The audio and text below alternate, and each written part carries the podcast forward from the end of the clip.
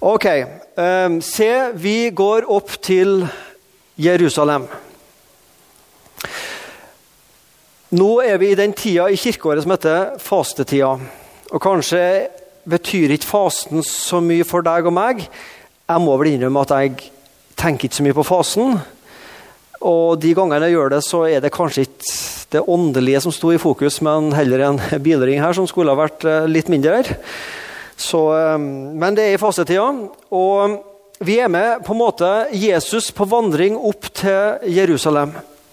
I Matteus 17 så står det om Jesus som var på Forklarelsens berg. Han hadde med seg Peter, Jakob og Johannes opp på Forklarelsens berg.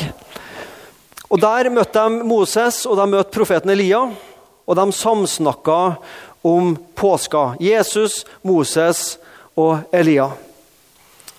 Og eh, Også der så sovna disiplene, men jeg skal si de ble våken når Moses og Elia viste seg for dem.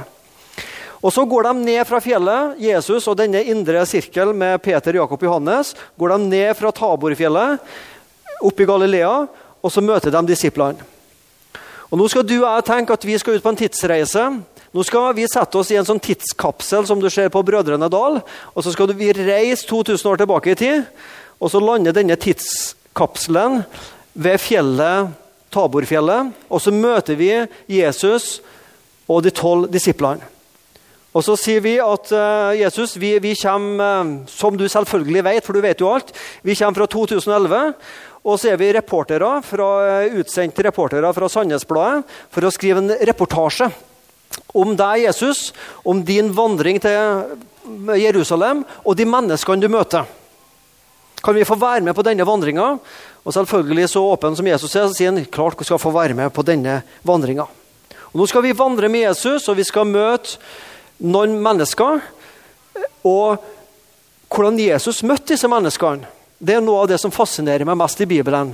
Jeg som teolog syns jeg det er kjekt å se hvordan Paulus skriver om forskjellige teologiske begreper. og sånn.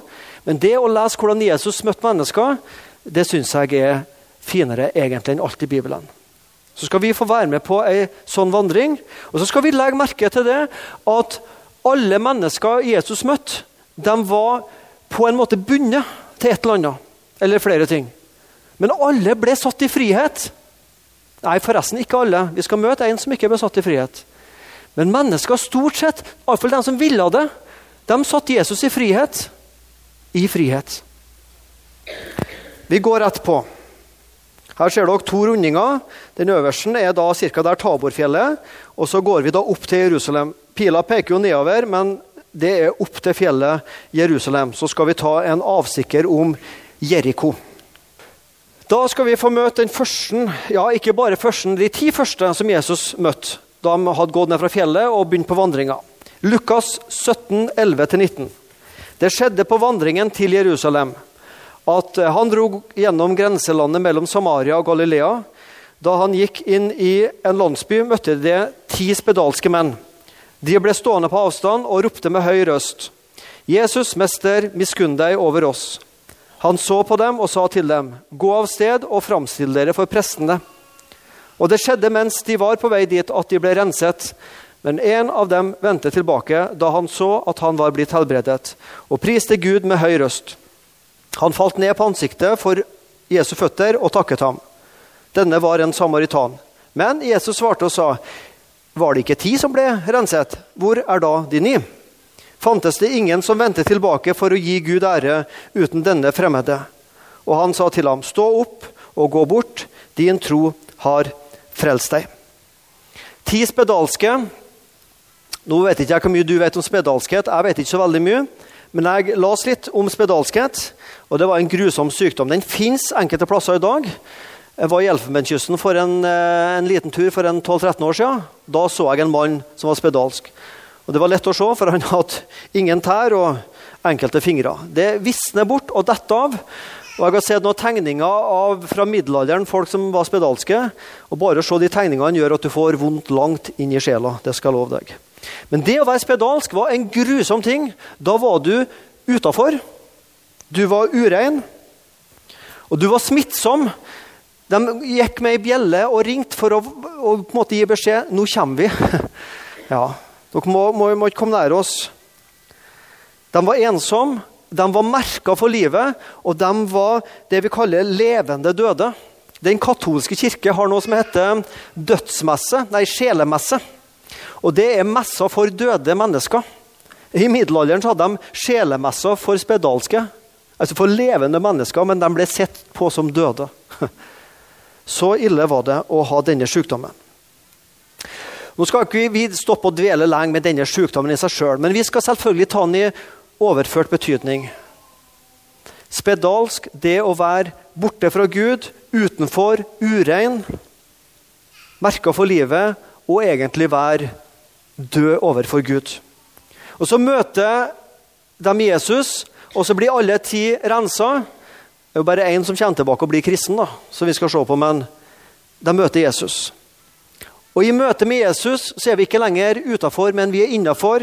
Vi er ikke lenger ureine i Guds øyne, men vi har blitt rene. Vi har blitt satt frihet til å bli rein innafor. Og vi har fått et fellesskap, og vi er ikke lenger levende døde, men vi er levende. En som var, hadde spedalskhet, han var altså smittsom. Og du og jeg som kristne vi er satt fri fra denne smittsomme synden som spedalskhet kan være et bilde på. Men så har vi også som kristne blitt smittsomme. Men nå skal vi smitte andre mennesker med Jesus. Tenk å leve et smittsomt kristenliv der andre får lyst å komme og tilhøre Jesus pga. det du og jeg sier og gjør. Det var ti spedalske. Det var ti som ble helbreda og det var én som kom til Jesus etterpå.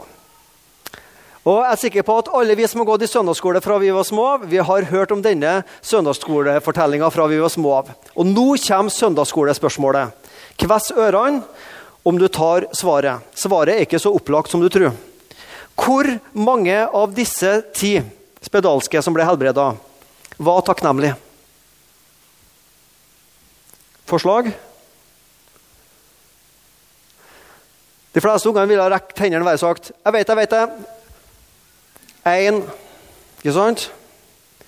Det er feil svar. Jeg er sikker på at alle ti var takknemlige. Det er jeg helt sikker på. Alle ti var takknemlige. Men det var kun én som sa takk. Det er forskjell på å være takknemlig og det å si takk. Alle som sier takk, er takknemlige, forhåpentligvis. Men ikke alle som er takknemlige, sier takk. Og Hver gang jeg tenker på forskjellen mellom takknemlig og takk, så tenker jeg på Unnskyld meg, men jeg tenker på min egen bryllupstale en gang i forrige årtusen. Og når jeg skulle forberede den, så tenkte jeg meg selv, her skal det jo takkes svigerforeldre skal jo takkes for den vakre dattera de har. og alt det der. Men jeg må jo takke mine egne foreldre, og da møtte jeg meg sjøl i døra. Og det er ikke alltid så hyggelig å møte seg sjøl i døra. For da måtte jeg virkelig begynne å tenke hvor mange ganger har jeg egentlig sagt, sagt takk til mor og far min? Jeg har hatt, og har fortsatt gode foreldre og har følt meg takknemlig, takknemlig egentlig hele livet. Men hadde jeg sagt takk til dem? Det er forskjell på å være takknemlig og si takk. Vi har et uttrykk som går som sånn. Det er tanken som teller. Har du hørt den? Det er tanken som teller. Det hender kona sier det til meg. Jeg hadde vært på et eller annet gartneri eller blomsterbutikk og kjøpt noen fine roser. og Hun ser at de har kosta litt. og Så setter hun dem i vasen og snitter dem sånn og setter dem i vasen. Så går det to dager, så begynner de å dette litt. De på en måte dette eller bøyer nakken litt før tida. Da sier hun ofte ja, men det, det er tanken som teller, Svein. Det er tanken som teller, Så smiler hun så fint til meg. Og så er det andre gang jeg kommer hjem med ti roser som jeg da har tatt med meg i farten. Da jeg var på Rema, så sto det da en bunke der til 29 kroner 90 øre. Da sier ikke hun så mye, for hun vet hva jeg har vært der og skjønner cirka hva de koster. Så da, da sier ikke hun så mye, men den stillheten er også i grunnen veldig talende. det er forskjell på å være takknemlig og det å si takk. Og det er ikke tanken som teller, folkens. Hva er det som teller? Det er gjerningene som teller. Jeg kan sitte hele dagen, jeg, 24 timer i døgnet, og synes synd på disse fattige ungene i Afrika. For å bruke det som et uttrykk. ikke sant? Det hjelper dem ingenting, uansett hvor mye jeg sitter og føler for dem og tenker på dem. Det er gjerningen som teller i hverdagen overfor våre medmennesker. Overfor Gud så er det ikke gjerningen som teller. Der er det troa. Men i det daglige overfor våre medmennesker så er det ikke tanken som teller, det er gjerningen. Disse ti spedalske sto alle ansikt til ansikt med frigjøreren Jesus Kristus. Så snur de seg, så går de bort og blir helbreda på veien, for de skal gå og vise seg for noen prester. Så står de altså ansikt til ansikt med frigjøreren, men så er de fortsatt bundet. De ble fri i sitt ytre, men i sitt indre menneske var de fortsatt bundet. Og så er det en som stopper halvveis og tenker ah, egentlig burde jeg gå tilbake og si takk til Jesus. Og Han snur, vender seg til Jesus og takker. Og så kommer Jesus med denne flotte setningen. Din tro har frelst deg. Din tro har frelst deg. Han ble ikke bare fri i det ytre, men han ble fri i det indre. Og Det er to forskjellige ting. Du og jeg vi kan prøve å virke fri og lykkelig og glad i det ytre. Ikke sant?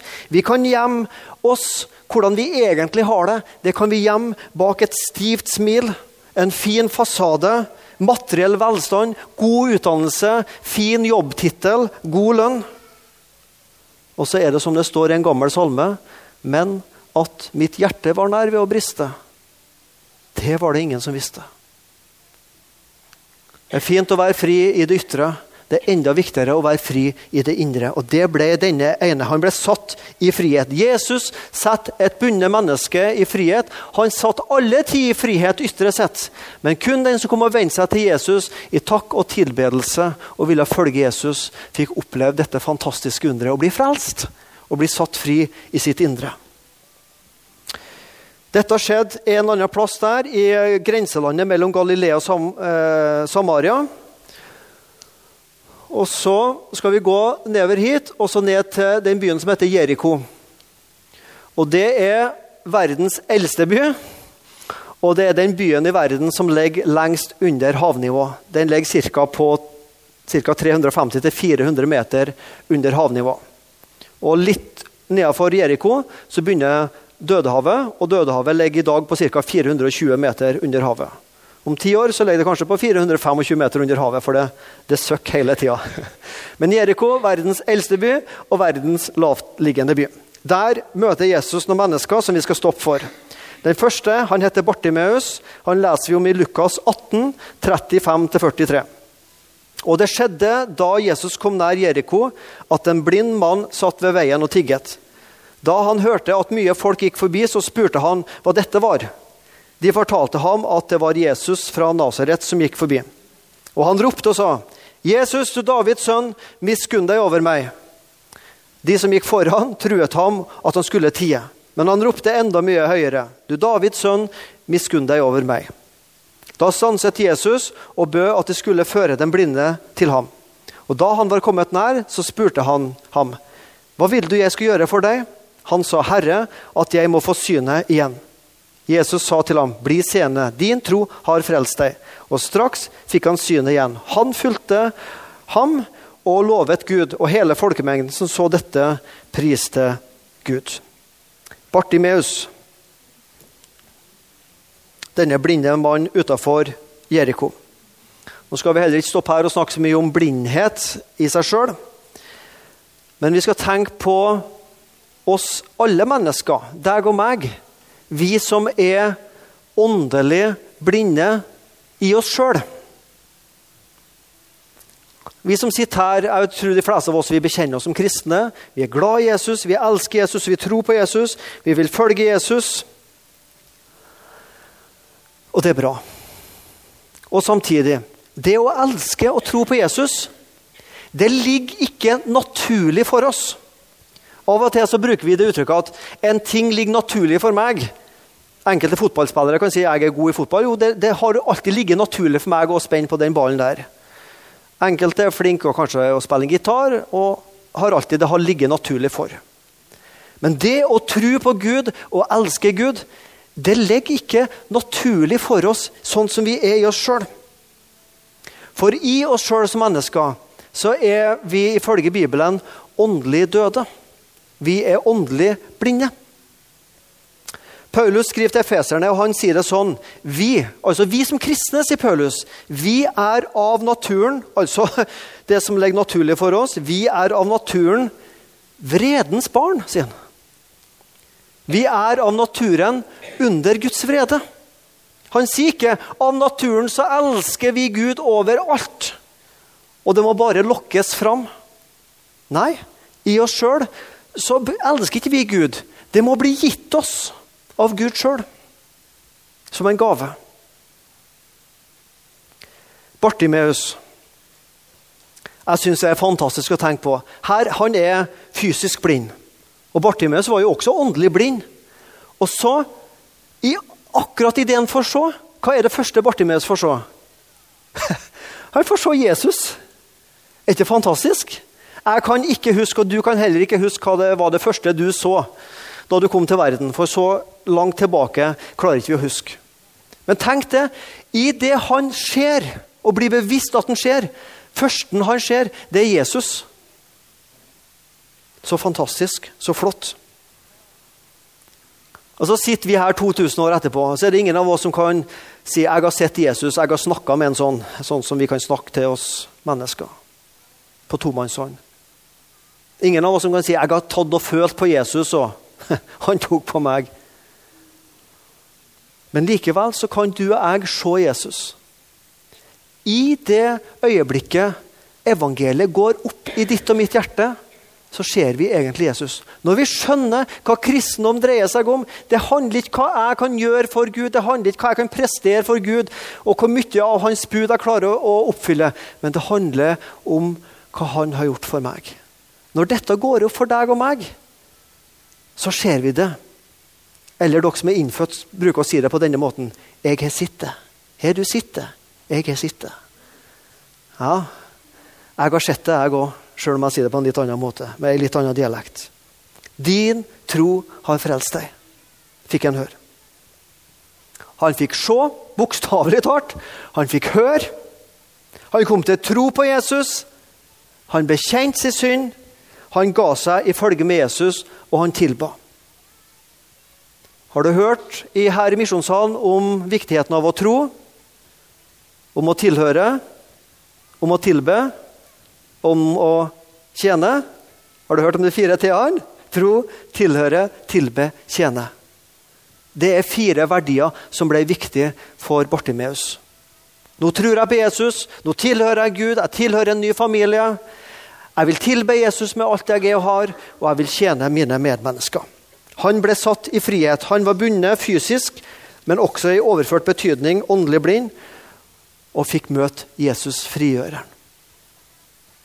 Så går vi gjennom Jeriko, og inni Jeriko så treffer vi han som det holdt flest barneandakter over. Sakkeus. Ja, vi kan den historien, men jeg syns vi skal koste på oss å lese en historie. ikke sant? Lukas 19, 1-10. Og Jesus kom inn i Jeriko og var på vei gjennom byen. Og se, der var det en mann som het Sakkeus. Han var overtoller og en rik mann. Han søkte å få se Jesus, hvem Jesus var. Men han kunne ikke komme til for folkemengden, for han var liten av vekst. Han løp da i forveien og klatret opp i et morbærtre for å se ham, for Jesu vei gikk der forbi. Da Jesus kom til stedet, så så han opp og sa til ham, Sakkeus, skynd deg og kom ned, for i dag må jeg bli i ditt hus. Han skyndte seg da ned og steg ned, tok imot ham med glede. Men da de så det, knurret de alle og sa, han går inn som gjest hos en syndig mann.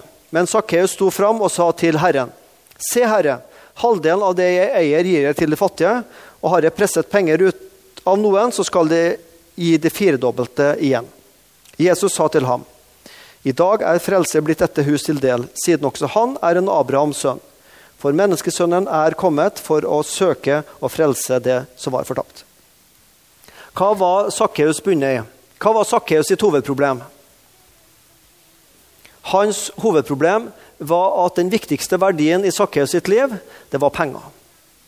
Det var de materielle tinga. Han tilba på en måte det skapte i stedet for skaperen. Han var opptatt av det dennesidige, det som denne verden har å by på, istedenfor å være opptatt av det evige.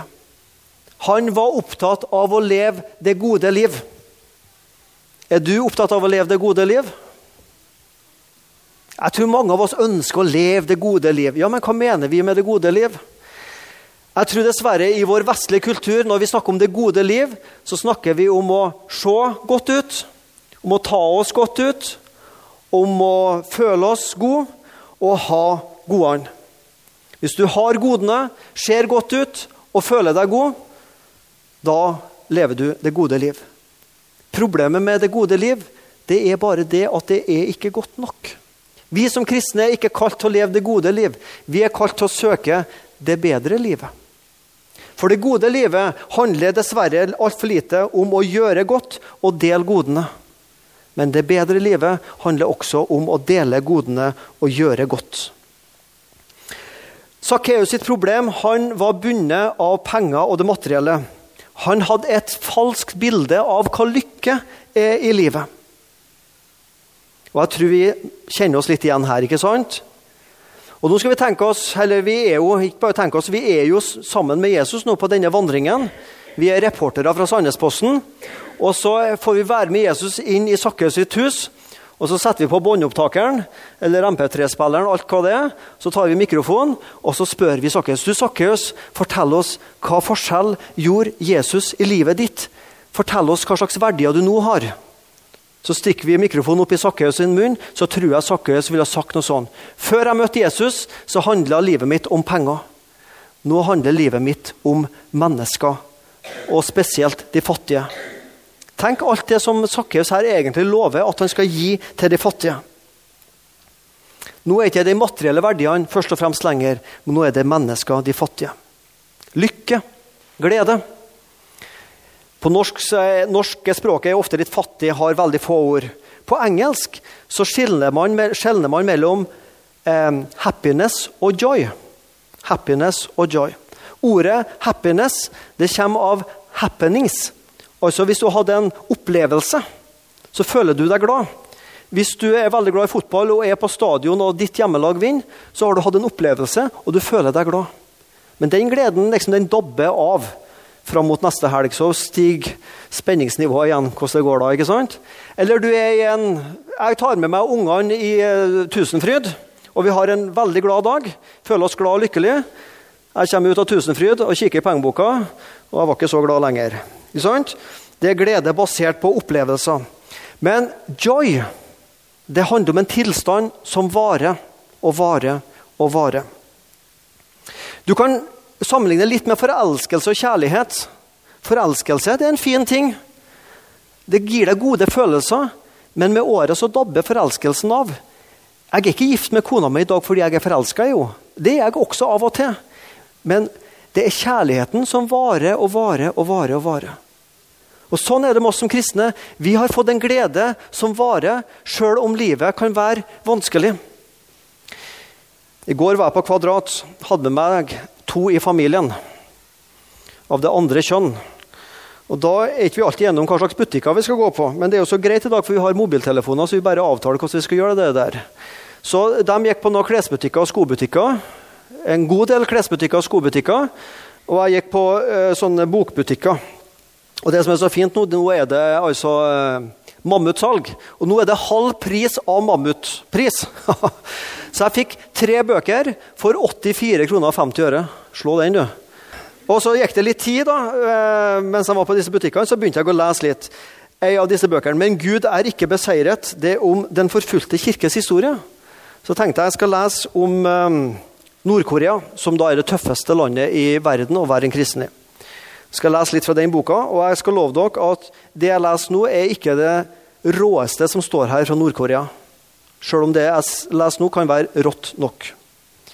Son Ok Li det er ei dame som klarte å rømme fra en av disse fangeleirene. Hadde som liten jente hørt fra sin mor at Gud alltid ville passe på henne. Men propagandaen fra myndighetene nådde også henne i skolen. Og Gud var fullstendig fjern inntil hun møtte de kristne i arbeidsleiren.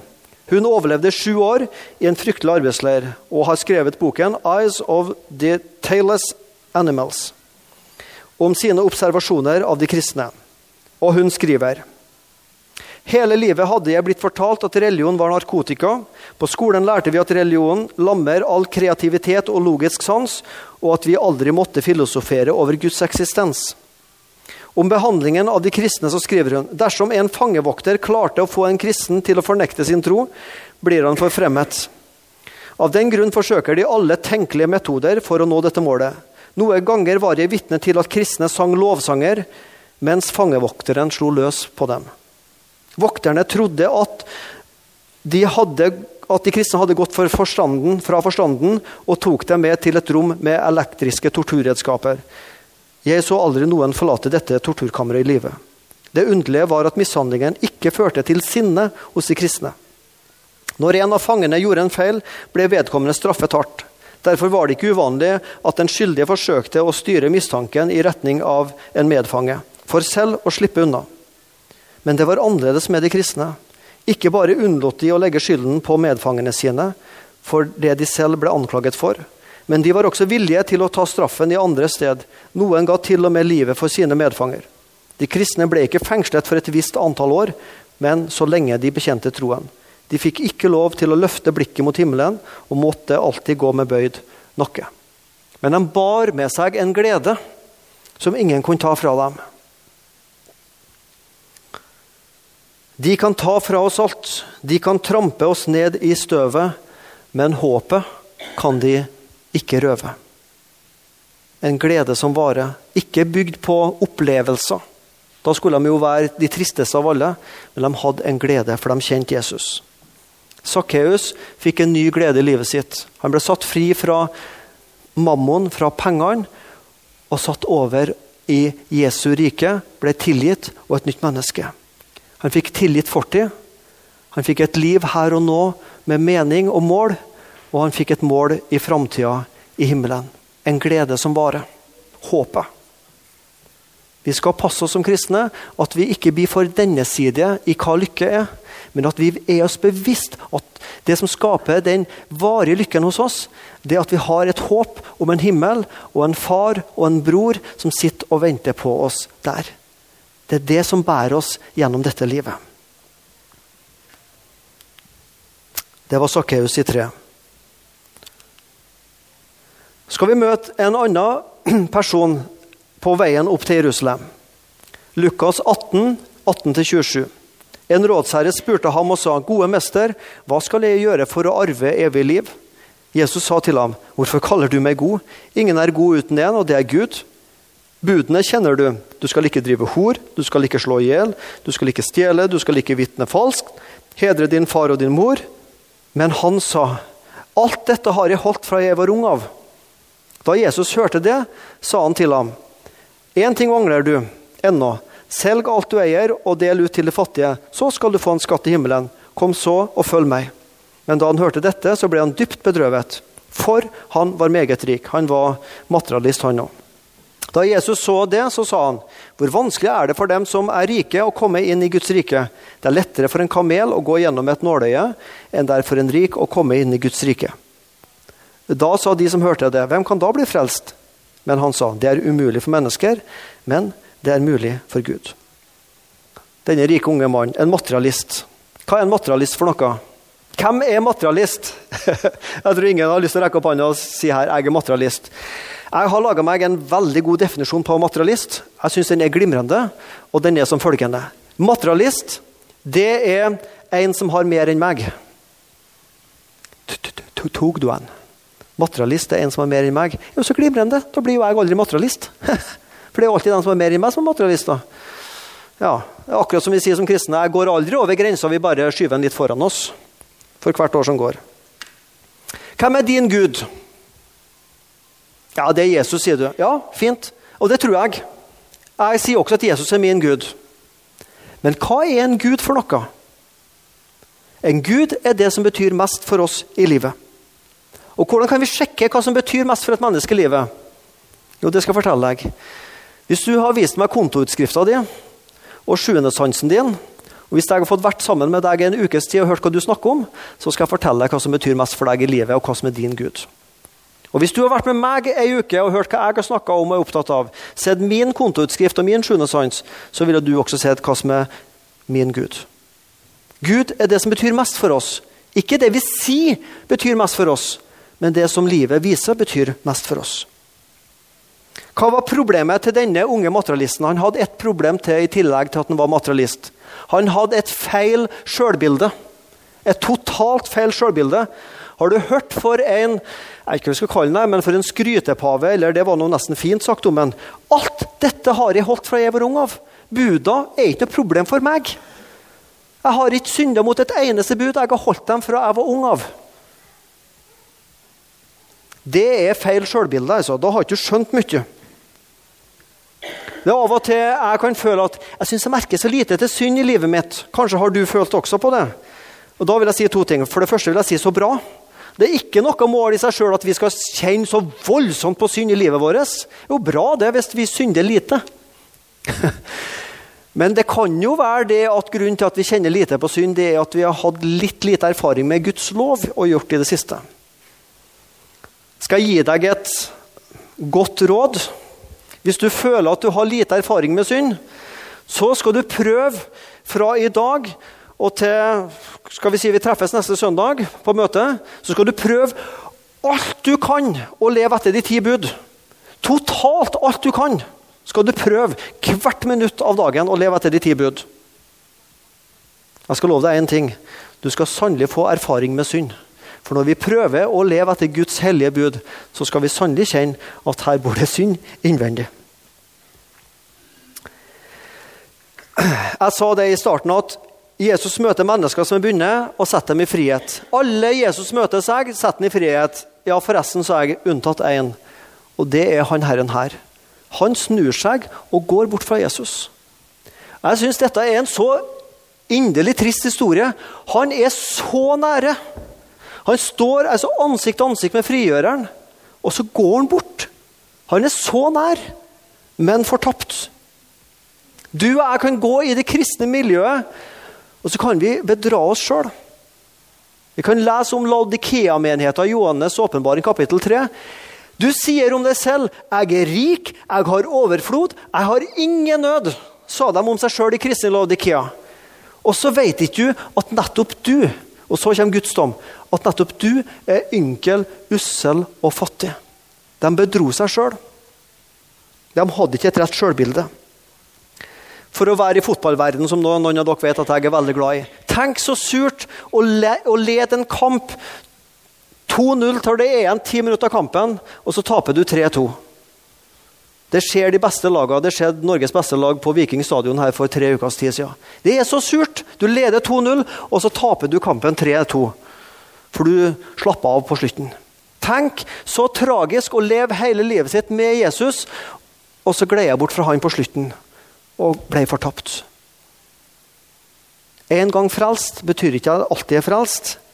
Det er en mulighet til å falle ifra, og det kan denne mannen være et eksempel på. Nåden er gratis, men den er ikke billig.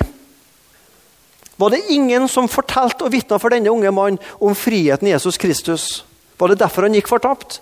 Var det fordi han ikke var villig til å ta kostnaden med å tro på Jesus?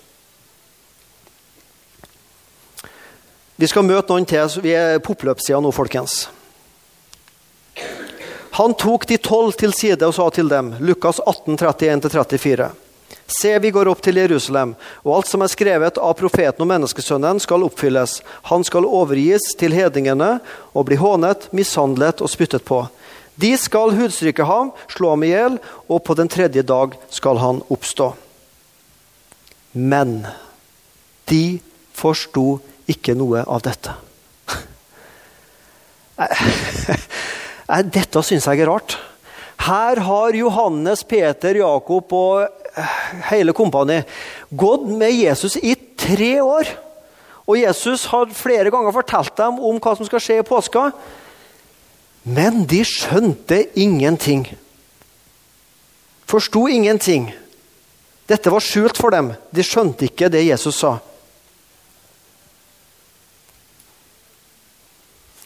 evangeliet om Jesus. Det kan egentlig ikke skjønnes logisk. Evangeliet skal du tro. Det skal du ha tillit til. Det skal du overgi deg til. Det skal du gjøre med evangeliet.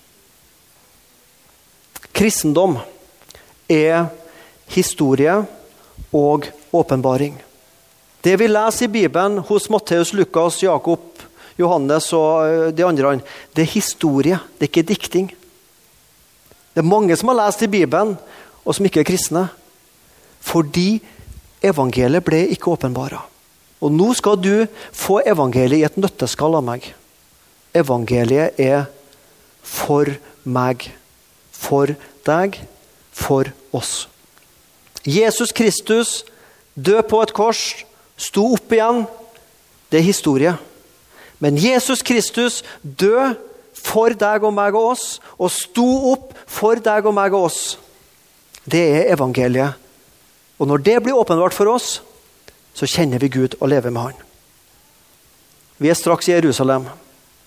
Vi har gått og vandra med Jesus. Vi har møtt de ti spedalske, vi har møtt Bartimeus, vi har møtt Sakkeus, og vi har møtt de tolv disiplene.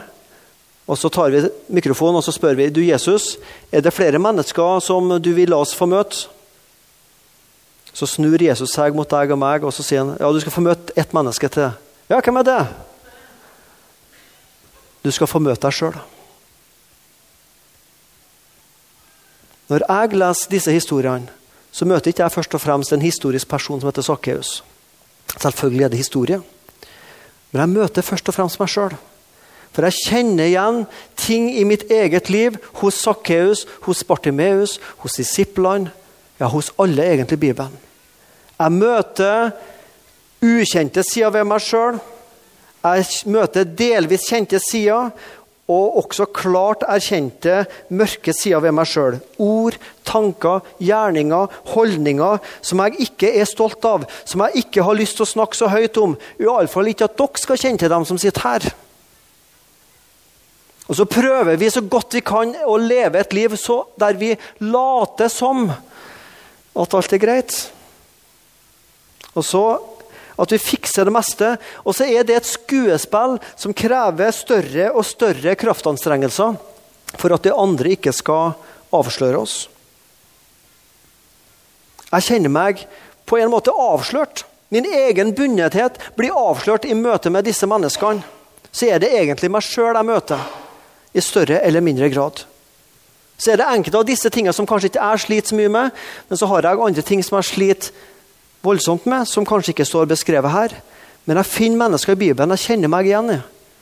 Og så vil Jesus møte oss sjøl i disse menneskene. Og nå er vi i målsonen. Og Helt til slutt så sier Jesus Nå har du fått møtt deg sjøl, Svein. Men du skal få møte ett menneske til helt til slutt. Du skal få møte meg. Jeg er livets univers og universets midtpunkt. Mitt liv, sier Jesus, det handler om å gi nåde og gi verdier som varer for evigheten. Det du, Svein, ikke fiksa og ordna, det fiksa jeg på et kors for 2000 år siden. Det du ikke kan, det fullførte jeg da Jesus sto opp. For deg og for andre mennesker så er det umulig å frelse dere sjøl. Men ikke for meg. For meg er det mulig å frelse mennesker. Husker du hva Jesus sa til en av disse? Hva vil du jeg skal gjøre for deg? Det er evangeliet. Gud kunne godt ha sagt nå Svein, skal du få høre hva jeg forventer av deg, som du skal gjøre for meg for å være et hellig menneske. Men så snur Jesus det på hodet. I stedet for det jeg krever av deg, Svein, så skal du få høre det spørsmålet hva vil du at jeg skal gjøre for deg? Mens vi ber nå, så kan hver enkelt av oss tenke på hva ville, hva ville vi ha svart Jesus? Hva ville du ha svart Jesus hvis han har stilt deg det spørsmålet? Ja, For det er jo nettopp det han gjør. For i bibelteksten så møter vi jo Jesus i dag. Og så er det i dag Jesus møter oss med det spørsmålet. Hva vil du jeg skal gjøre for deg? Hva ville du ha svart? Det ville vært utrolig spennende å ha et vitnemøte nå der alle sammen kunne ha fortalt at det har jeg hatt lyst å sagt til Jesus. Det Jesus har jeg lyst til at du skal gjøre for meg. Det blir ikke et sånt vitnemøte nå, men gjerne del det med noen du kjenner i spormiljøet. Kjære Jesus Kristus. Takk for disse menneskene som egentlig er et speilbilde på oss sjøl. Herre, du har møtt meg, og du møter hver enkelt av oss. Vi kjenner oss delvis igjen, kanskje, eller i større eller mindre grad igjen. i hvert fall. Herre, vi er bundet til mange ting. Men takk, Herre Jesus, i deg så er vi satt til frihet. Og Når vi tror på deg, så er synda glemt. Tilgitt synd er glemt synd. Det er ingen problem for deg, Jesus, og takk og lov og pris skal du ha for det. La oss få leve i det denne påska og glede oss, Jesus, over at vi som kristne har fått møtt frigjøreren, og få leve med frigjøreren, frigjøreren og få ha frigjøreren i hjertet ved Den hellige ånd. Og så er vi tilgitt. Og så får vi ha et liv her og nå med mål og mening, og så har vi ei framtid i himmelen sammen med deg, Jesus.